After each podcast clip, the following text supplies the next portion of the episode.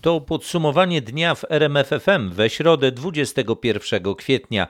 Hasła kluczowe dnia to początek luzowania obostrzeń. Na razie w 11 województwach egzamin maturalny i ósmoklasisty odbędą się zgodnie z planem. Kto dezinformuje w sprawie Astry Zeneki? Grzegorz Jasiński, zapraszam. 740 zgonów i prawie 14 tysięcy nowych zakażeń koronawirusem potwierdziło ostatniej doby Ministerstwo Zdrowia. O szczegółach informuje Michał Dobrołowicz. Widoczny jest spadek liczby zakażeń. Tydzień temu w środę w Polsce potwierdzono ponad 21 tysięcy przypadków. Dzisiaj, przypomnę, niecałe 14 tysięcy. Wykonano też jednak mniej testów. Ostatniej doby ponad 80 tysięcy, tydzień temu prawie 100 tysięcy. To według lekarzy pokazuje, że mniej osób ma typowe objawy zakażenia koronawirusem, które kwalifikują ich do badania. Jednak to nie powinno nas uspokajać, podkreśla epidemiolog profesor Marcin Czech. Proszę pamiętać, że to nadal są bardzo wysokie poziomy zachorowań i liczba zajętych łóżek i liczba zajętych respiratorów jest wciąż olbrzymia. W całej Polsce teraz zajętych jest ponad 30 tysięcy miejsc w szpitalach na oddziałach covidowych i ponad 3 tysiące respiratorów. Tu na szczęście też widać delikatne spadki. Aktualną mapę zakażeń mamy na rmf24.pl. Ponad 2,5 tysiąca nowych zakażeń koronawirusem w Śląskiem to znowu najwięcej w kraju. Ostatniej doby co czwarta sprawdzana tam osoba miała dodatni wynik testu na COVID-19. W szpitalach w całym regionie dla chorych na COVID-19 wolnych jest nieco ponad 1200 łóżek. Nadal zajęta jest zdecydowana większość respiratorów. Na przykład w szpitalu tymczasowym na lotnisku w Pyrzowicach od kilku dni niezmiennie zajętych jest 10 respiratorów, czyli wszystkie. Poniżej 300 spadła natomiast ostatniej doby liczba wyjazdów karetek pogotowia do zakażonych osób. W ciągu kilku ostatnich dni także żadnego z zakażonych nie trzeba było przenosić do szpitala poza województwo śląskie. Najwięcej nowych zakażeń ostatniej doby ponad 100 w każdym z tych miast było m.in. w Gliwicach, Częstochowie, Dąbrowie Górniczej, Bytomiu i Katowicach. Podsumowuje Marcin Buczek. Na te słowa wielu z nas czekało z utęsknieniem. Łagodzenie obostrzeń staje się faktem, ale nie wszędzie. W pięciu województwach wszystkie obostrzenia zostaną przedłużone o kolejny tydzień. W 11 nastąpi częściowe otwarcie szkół i usług kosmetycznych. O szczegółach, także o tym, gdzie luzowania nie będzie, Krzysztof Berenda. To pięć regionów, w których sytuacja zdrowotna jest najgorsza, czyli województwa śląskie, dolnośląskie, wielkopolskie, łódzkie i opolskie. Tam żadnego luzowania nie będzie. Wszystkie obostrzenia są przedłużane co najmniej o kolejny tydzień. W pozostałych 11 województwach poluzowania będą dwa. Otóż po pierwsze, dzieci z klas 1-3 będą mogły wrócić do szkół, ale jedynie w formule hybrydowej, czyli połowa dzieci z tych klas będzie uczyć się w szkołach, a połowa będzie uczyć się w domach. Tu o organizacji zdecydują dyrektorzy szkół. Druga kwestia to poluzowanie branży kosmetycznej. Od poniedziałku działalność wznawiają bowiem salony fryzjerskie i kosmetyczne. W przyszłym tygodniu, jak zapowiedział minister zdrowia, ogłoszony także zostanie plan dalszego, szerszego luzowania. Pewne apogeum, jeżeli chodzi o liczbę nowych zakażeń tej trzeciej fali mamy za sobą. Również za sobą wydaje się, że mamy apogeum hospitalizacji, które miało miejsce mniej więcej dwa tygodnie temu. Dlatego jeszcze w maju, jak mówi minister Adam Niedzielski, możliwe jest zniesienie obowiązku noszenia maseczek na świeżym powietrzu. Otwarte mogą zostać także restauracje, hotele, kultura i sport. No właśnie, jaka jest szansa, że pożegnamy maseczki na świeżym powietrzu? O tym Mariusz Piekarski. To zależy od tego, czy utrzyma się tempo opadania trzeciej fali, czy zakażeń będzie znacznie mniej z dnia na dzień. Na razie ze słów ministra Niedzielskiego wynika, że nie jest zwolennikiem rezygnacji z maseczek na świeżym powietrzu. Po pierwsze, to utrudni egzekwowanie nakazu, tam gdzie maseczki będą dalej konieczne, a po drugie, jak mówi minister, co innego spacer po pustej ulicy, co innego ryzyko na zatłoczonej ulicy w dużym mieście. Na dziś, z mojego punktu widzenia, e, zniesienie maseczek na powietrzu jest ryzykiem nieakceptowalnym.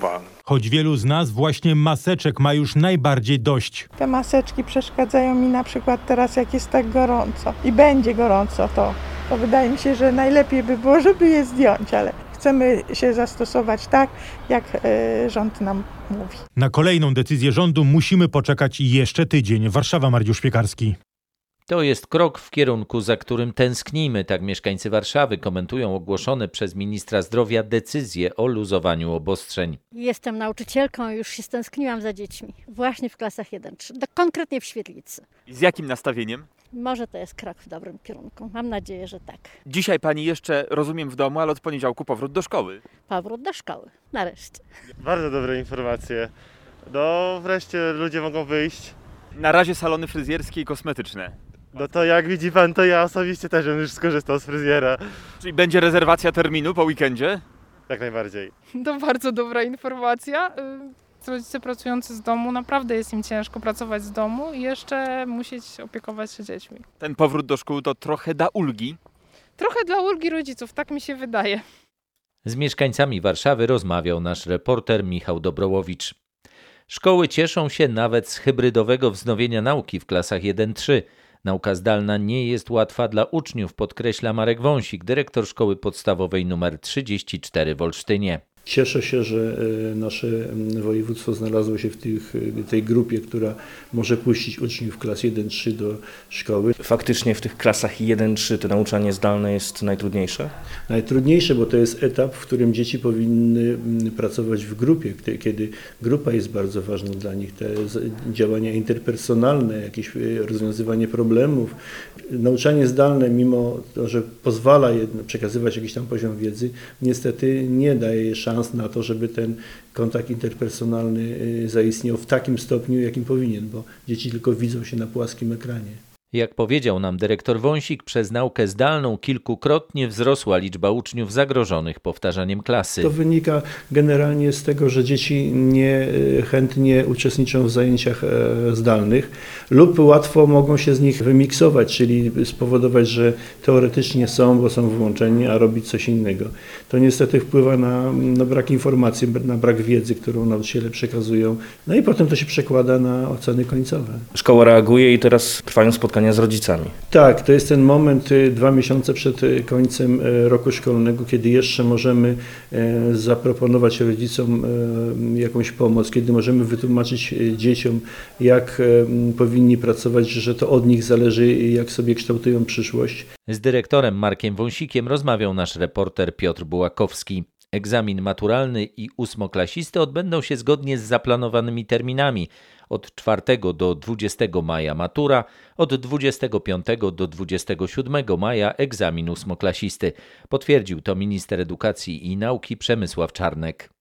Ósmoklasiści zmierzą się z mniejszą liczbą zadań w arkuszach, ale czasu na ich rozwiązanie będą mieć tyle, ile w ubiegłym roku. Mniej będzie zadań otwartych. W przypadku egzaminów maturalnych egzamin obowiązkowy składa się tylko z części pisemnej na poziomie podstawowym. Część ustna jest tylko dla tych uczniów, którzy potrzebują wyniku do rekrutacji na uczelnię za granicą. W tym i w przyszłym roku nie ma obowiązku przystąpienia do egzaminu z jednego przedmiotu na poziomie rozszerzonym. Minister Czarnek podkreślił, że uczniowie przed egzaminami nie będą poddawani testom. Nie chcemy w żaden sposób stresować ani ósmoklasistów, ani maturzystów żadnych testów nie będzie. Zasady dotyczące egzaminów zarówno ósmoklasistów, jak i maturzystów zostaną utrzymane co najmniej do 2023 roku z jednym wyjątkiem. W 2023 maturzyści będą musieli zdawać egzamin z jednego przedmiotu na poziomie rozszerzonym, ale bez obowiązku jego zdania, czyli uzyskania co najmniej 30% punktów. Egzaminacyjne wytyczne streszczała Magdalena Greiner. To jest krok w dobrą stronę, tak zapowiedź luzowania koronawirusowych obostrzeń komentuje w RMFFM epidemiolog profesor Maria Gańczak z Uniwersytetu Zielonogórskiego. Jednocześnie jest bardzo krytyczna wobec możliwości powrotu do organizacji wesel. To są pomieszczenia zamknięte. To jest wiele godzin przebywania pod jednym dachem osób z bardzo różnych baniek społecznych, z różnych zakątków Polski. I tutaj o jakimkolwiek przestrzeganiu zasad kontroli zakażeń mowy nie ma. Y, I już przekonaliśmy się o tym wielokrotnie w, w, zeszłym roku, y, że takie właśnie imprezy są y, źródłem zakażeń, a nawet zgonów dla tych biesiadników. Zakrzepy zdarzają się zdecydowanie częściej u pacjentów chorujących na COVID niż u tych, którzy przyjmują szczepionkę firmy Johnson Johnson, mówi profesor Gańczak i dodaje, że w przypadku szczepionki takie powikłania były niezwykle rzadkie niezwykle rzadkie, to znaczy na 7 milionów podanych dawek szczepionki Johnson Johnson e, mieliśmy 8 takich e, tego typu incydentów. Czyli to jest mniej więcej e, powikłanie rzędu 1 na milion. Powikłanie zakrzepowo-zatorowe w przebiegu COVID-19 występuje kilkanaście razy częściej. Więc tutaj musimy po prostu sami podjąć decyzję o tym, czy, czy warto się szczepić, mając na względzie tego rodzaju porównanie. Profesor Maria Gańczak w rozmowie z naszym dziennikarzem Marcinem Zaborskim. Zobaczcie więcej na rmf24.pl. Wątpliwości dotyczące bezpieczeństwa szczepionki firmy AstraZeneca były sztucznie rozdmuchiwane na Twitterze przez portale znane z dezinformacji, m.in. z Rosji, Arabii Saudyjskiej, Nigerii i Indii, mówi RMFFM, współautor najnowszej analizy na ten temat, profesor Dariusz Jemielniak z Akademii Leona Koźmińskiego. No, my nikogo oczywiście nie złapaliśmy za rękę, natomiast istotnie warto zadać sobie pytanie, czy jeśli istnieje kraj, który, o którym wiemy, że no nie jest krajem w pełni demokratycznym, kraj, który produkuje własną szczepionkę, którą bardzo mocno promuje, którą wykorzystuje także jako narzędzie do geopolityki bieżącej, to czy nie jest potencjalnie możliwe, że ten kraj jest również zaangażowany w kampanie dezinformacyjne i nadmuchiwanie informacji o AstraZeneca, niezależnie od tego oczywiście, że AstraZeneca także ma różnego rodzaju słabości i wady, które nagłaśniamy, no chociażby opóźniała się z dostawami. Więcej na temat tych poszlak i szczepionkowej dezinformacji w sieci dowiecie się z rozmowy, którą mamy na rmf24.pl. Francuskie gwiazdy show biznesu pospieszą na ratunek szczepionce przeciwko koronawirusowi firmy AstraZeneca. Celebryci będą przekonywali rodaków, by nie obawiali się efektów ubocznych preparatu. Fakt, że coraz więcej Francuzów nie chce szczepionki firmy AstraZeneca jest według władz w Paryżu katastrofalny w skutkach, bo znacznie spowalnia to masowe szczepienia przeciwko koronawirusowi. Kancelaria premiera Jeana Castexa zapowiedziała zorganizowanie akcji promocyjnej w mediach, w ramach której gwiazdy show biznesu będą tłumaczyć rodakom, iż ryzyko poważnych skutków ubocznych związanych z tą szczepionką jest niewielkie w porównaniu do niebezpieczeństwa, jakie stanowi sam koronawirus. Według przecieków do mediów w kampanii ma wziąć udział żona prezydenta Emmanuela Macrona, 68-letnia Brigitte. Z nadsekwany informuje Marek Gładysz. Komisja Europejska tymczasem rezygnuje z dodatkowych 300 milionów dawek szczepionek firm AstraZeneca i Johnson Johnson, które zagwarantowała jako opcję w ramach umów podpisanych z firmami farmaceutycznymi. Powiedział o tym agencji Reutera wysoki urzędnik Unii Europejskiej. Osoby, które przeszły zakażenia koronawirusem, dostaną skierowanie na szczepienie przeciwko COVID-19 trzy miesiące po zakończeniu izolacji, precyzuje minister zdrowia po pytaniu dziennikarza RMFFM. Wcześniej pojawiały się rozbieżne informacje dotyczące szczepień ozdrowieńców, łącznie z informacją, że takie osoby będą musiały odczekać nawet pół roku na podanie preparatu. Jak więc ostatecznie będzie? Pierwszy termin, w którym ozdrowieniec może się zaszczepić, to jeden dzień po upływie trzech miesięcy od zakończenia izolacji. Jeżeli ozdrowieniec ma jeszcze ważne szczepienie wystawione automatycznie, to może z niego skorzystać. Jeżeli nie, to lekarz w punkcie szczepień albo lekarz rodzinny w POZ wystawi mu kolejne, ważne na 90 dni. Najwcześniej można więc zaszczepić się po upływie ponad 3 miesięcy, najpóźniej do pół roku. To jest właśnie to okienko, kiedy ozdrowieńcy mogą e, skorzystać ze, ze skierowania i oczywiście zapisać się na szczepienie. Tłumaczy minister zdrowia Adam Niedzielski a ministra pytał i potem cytował Grzegorz Kwolek. Wielkopolski NFZ grozi odebraniem zgody na działanie punktu szczepień poznańskiemu szpitalowi HCP na Wildzie. Powodem są liczne skargi pacjentów napływające do funduszu od ponad miesiąca. Na co skarżą się oczekujący na szczepienie? Głównie na długą kolejkę przed wejściem do punktu szczepień, co miało znaczenie zwłaszcza w ostatnich dniach, kiedy pogoda była wietrzna i deszczowa. Przed wejściem do punktu ustawiono specjalne bariery, które regulują kierunek kolejki, ale zdarzają się momenty, że ta przesuwa się w żółwim tempie. Wczoraj szpital tłumaczył to m.in. zawieszeniem się systemu. Zapowiedzieliśmy, że jeżeli ta sytuacja się nie poprawi, wówczas będziemy y, zmuszeni rozważyć rozwiązanie umowy na wykonywanie szczepień przez szpital. Wyjaśniała Marta Żbikowska, Cieśla z Wielkopolskiego NFZ. Po mojej prośbie o komentarz w sekretariacie szpitala usłyszałem, że mam zatelefonować o wskazanej godzinie. Telefonu wtedy nikt jednak już nie odbierał. Sprawie przyjrzał się nasz reporter Mateusz Chłystun. Likwidacja otwartych funduszy emerytalnych może opóźnić się o kilka miesięcy, ustalili dziennikarze RMFFM. Tak przyznają zresztą w nieoficjalnych rozmowach członkowie rządu. Wszystko dlatego, że kwestia likwidacji OFE będzie musiała być elementem nowej umowy koalicyjnej. O tym, dlaczego kwestia funduszy emerytalnych ma się przekładać na funkcjonowanie całego rządu, Krzysztof Berenda. Dlatego, że to była kropla, która przelała czarę goryczy. Sytuacja w koalicji jest taka, że partia Zbigniewa Ziobry zablokowała wczoraj likwidację OFE. Tym samym odebrała Mateuszowi Morawieckiemu około 20 miliardów złotych na jego plany inwestycyjne. Wcześniej ekipa Ziobry zablokowała prezentację nowego ładu oraz przyjmowanie unijnych miliardów na pokryzysową odbudowę. Na to wszystko nakładają się wzajemne pretensje, a do tego dochodzą żale trzeciego koalicjanta, czyli Jarosława Gowina, który wciąż nie może zmusić premiera do tego, by odwołał z rządu polityków, którzy chcieli obalić Gowina i odebrać mu władzę w jego własnej partii, czyli w porozumieniu. Obecny skład y, rządu nie odzwierciedla treści umowy koalicyjnej. Tak, wprost mówi Jarosław Gowin. No skutek tego taki, że Zjednoczona Prawica musi na nowo ustalić zasady współpracy, a do tego czasu i OFE, i inne kwestie finansowe są zawieszone. Wyciek do internetu danych osobowych z Rządowego Centrum Bezpieczeństwa objął 22 tysiące funkcjonariuszy. Ta rządowa instytucja potwierdziła właśnie ten bardzo poważny incydent co wynika z dotychczasowych ustaleń wewnętrznego postępowania w RCB? Do sieci wyciekły dane ze spisów osób znajdujące się w formularzach zgłoszeniowych na szczepienia różnych grup zawodowych. Te formularze od końca grudnia wypełniło 366 tysięcy osób, m.in. policjantów czy strażaków.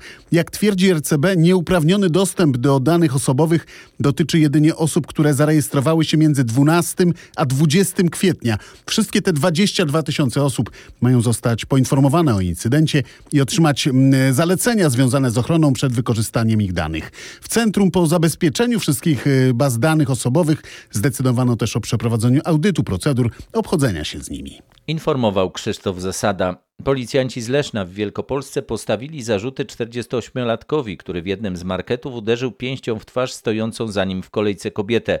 Klientka sklepu zwróciła mu przedtem uwagę, że ten nie ma na twarzy maseczki. Mieszkaniec Leszna usłyszał łącznie trzy zarzuty. Pierwszy z nich to wulgarne znieważenie klientki sklepu, drugi naruszenie jej nietykalności cielesnej i trzeci spowodowanie lekkiego uszkodzenia ciała wywołane uderzeniem pięścią w twarz.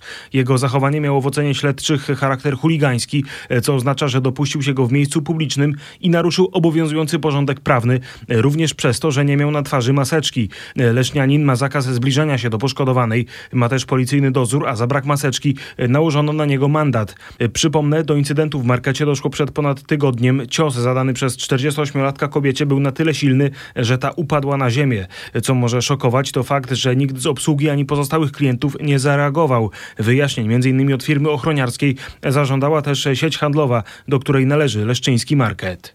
Informuje Mateusz Chłystun. Paweł Zyzak, autor głośnej biografii Lecha Wałęsy, może zostać prezesem Instytutu Pamięci Narodowej. Dziennikarze RMFFM dotarli do listy pięciu kandydatów, którzy właśnie zostali dopuszczeni przez kolegium Instytutu do drugiego etapu konkursu na to stanowisko. Kadencja obecnego prezesa Jarosława Szarka upływa w lipcu. Kto jeszcze znalazł się na tej liście? Dwóch dyrektorów muzeów, dr Adam Buława, który do niedawna kierował Muzeum Wojska Polskiego i dr Karol Nawrocki, który od kilku lat szefuje Muzeum II wojny światowej.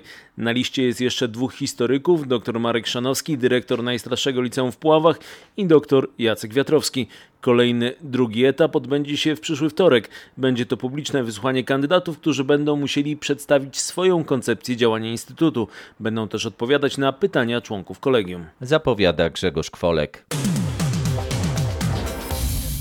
Nasz magazyn niestety jest już pusty, a potrzeby są ogromne. Tymi słowami szpital w brzegu na Opolszczyźnie apeluje o pomoc.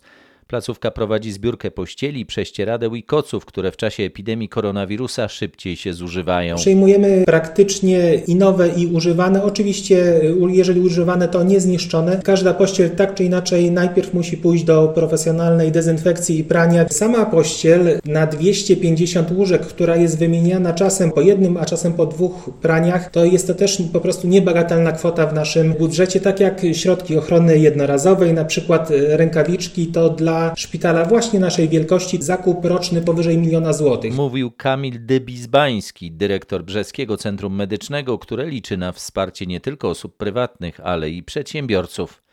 Ptasia grypa w rejonie Cieszyna w Śląskiem. Dwa ogniska zakażeń, które tam się pojawiły, zostały już co prawda zlikwidowane, ale nadal obowiązują wprowadzone w związku z tym zakazy i ograniczenia. I tak ma być co najmniej do początku maja. Gdzie pojawiły się zakażenia? Chodzi o dwie fermy w gminie Dębowiec. W sumie było tam około 90 tysięcy sztuk drobiu. Część z nich padło z powodu choroby, pozostałe trzeba było uśmiercić, ale ponieważ było to urzędowe postępowanie, hodowcom przysługuje teraz odszkodowanie. W sumie w przypadku obu tych ferm ma to być około kilkuset tysięcy złotych. Ich wypłata może nastąpić w ciągu trzech najbliższych miesięcy. Po stwierdzeniu zakażenia w danym rejonie wyznaczono dwa obszary, zapowietrzony i zakażony, a wprowadzone tam w związku z tym nakazy i zakazy obowiązują co najmniej do 2 maja. Informacje w tej sprawie zebrał Marcin Buczek. Już 8 z 12 klubów piłkarskich wycofało się z Europejskiej Superligi. Wśród nich jest 6 drużyn angielskich. O tym, co przyczyniło się do upadku kontrowersyjnej idei z Londynu Bogdan Frymorgan. Presja, presja i jeszcze raz presja polityków, kibiców, dziennikarzy, a nawet etyków. Nie bez znaczenia były też groźby UEFA i FIFA, które wykluczyłyby piłkarzy rebelianckich klubów z udziału w Mistrzostwach Świata i Europy. Na tym ten skandal się nie kończy. Już do dymisji podał się Ed Woodward, wiceprezes Manchesteru United, który był jednym z głównych architektów proponowanych zmian. Brytyjski rząd jeszcze wczoraj groził palcem, a dziś zapowiada zmianę praw regulujących zasady własności klubów piłkarskich bo to ich właściciele, a nie piłkarze podjęli decyzję o utworzeniu Europejskiej Superligi. To informacje prosto z Londynu. Jutro w samo południe na radiowym ringu zmierzy się czwórka kandydatów do prezydenckiego fotela w Rzeszowie. W debacie Rzeszów ma głos wezmą udział Marcin Warchoł, Ewa Leniart, Konrad Fiołek i Grzegorz Braun. Pojedynek będą sędziować nasi dziennikarze Paweł Balinowski i Grzegorz Kwolek. Jakie będą reguły? Pojedynek podzieliliśmy na trzy rundy i jeszcze jedną część, dogrywkę. Pytania będziemy zadawać my, ale będzie także szansa na wymianę ciosów między rywalami. Chcemy, żeby pojedynek był dynamiczny, dlatego odpowiedzi mają trwać góra minutę. Zapowiada Paweł Balinowski. O co kandydaci będą pytani? O sprawy ważne nie tylko dla Rzeszowa, o fundusze unijne, służbę zdrowia, współpracę ponadpartyjną, ale także o to, jak rozwiązać najważniejsze problemy stolicy Podkarpacia. Oddamy też głos rzeszowianom. Dodaje Grzegorz Kwolek. Rzeszów ma głos. Pierwsza debata przed rzeszowskimi wyborami prezydenckimi tylko w RMFFM i RMF24.pl. Jutro w samo południe. Filmy ekologiczne, które powstawały w czasie pandemii, będzie można zobaczyć na tegorocznej czwartej już edycji Green Film Festival w Krakowie. Jego program oficjalnie poznamy jutro w Światowym Dniu Ziemi. Wątek epidemii jest widoczny w tych filmach, podkreśla jeden z organizatorów festiwalu, Kamil Wyszkowski z agendy ONZ Global Compact. Widać nawet, bym powiedział, po technice ich powstania, czyli wiadomo, że było ograniczenie podróżowania, czyli twórcy tych filmów musieli sobie radzić inaczej. To jest taki wyraźny rys na tych filmach, który już z nami zostanie. Też pewnie zostanie i będzie analizowany przez filmoznawców, to, to na pewno.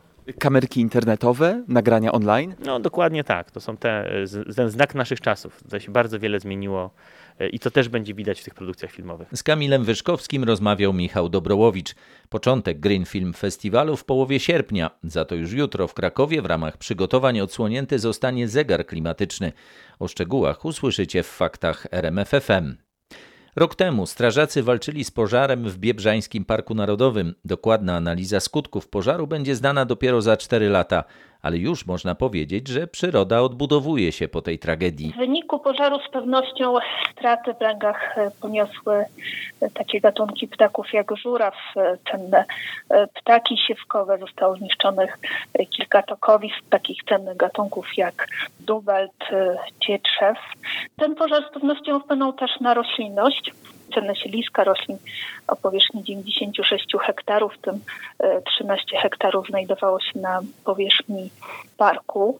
Ale w rok po pożarze możemy stwierdzić, że właściwie te stanowiska nie ucierpiały i odbudowują się. Mówiła Beata Głębocka, kierownik działu edukacji Biebrzańskiego Parku Narodowego. Przenosimy się do innego parku. Na koniec podsumowania dnia pytamy, co z krokusami w Tatrach. Prawdopodobnie nie zakwitną tak obficie jak w latach ubiegłych. Na Polanie Chochołowskiej, która słynęła z liliowych dywanów kwiatowych, wciąż leży śnieg i do tego ma jeszcze sypać. W tym roku dywanów krokusowych mieć już nie będziemy. Pewne krokusy się już pojawiły, pewne kwiaty zostały już zapylone, w związku z tym one już e, ponownie nie zakwitną. Inne kwiaty zostały też uszkodzone przez e, pokrywy śnieżne, które pojawiały się przy okazji kolejnych opadów. E, ja myślę, że to jest dobre rozwiązanie, żebyśmy może poczekali do przyszłego roku z tymi typowymi wycieczkami na krokusy, jak to się mówiło.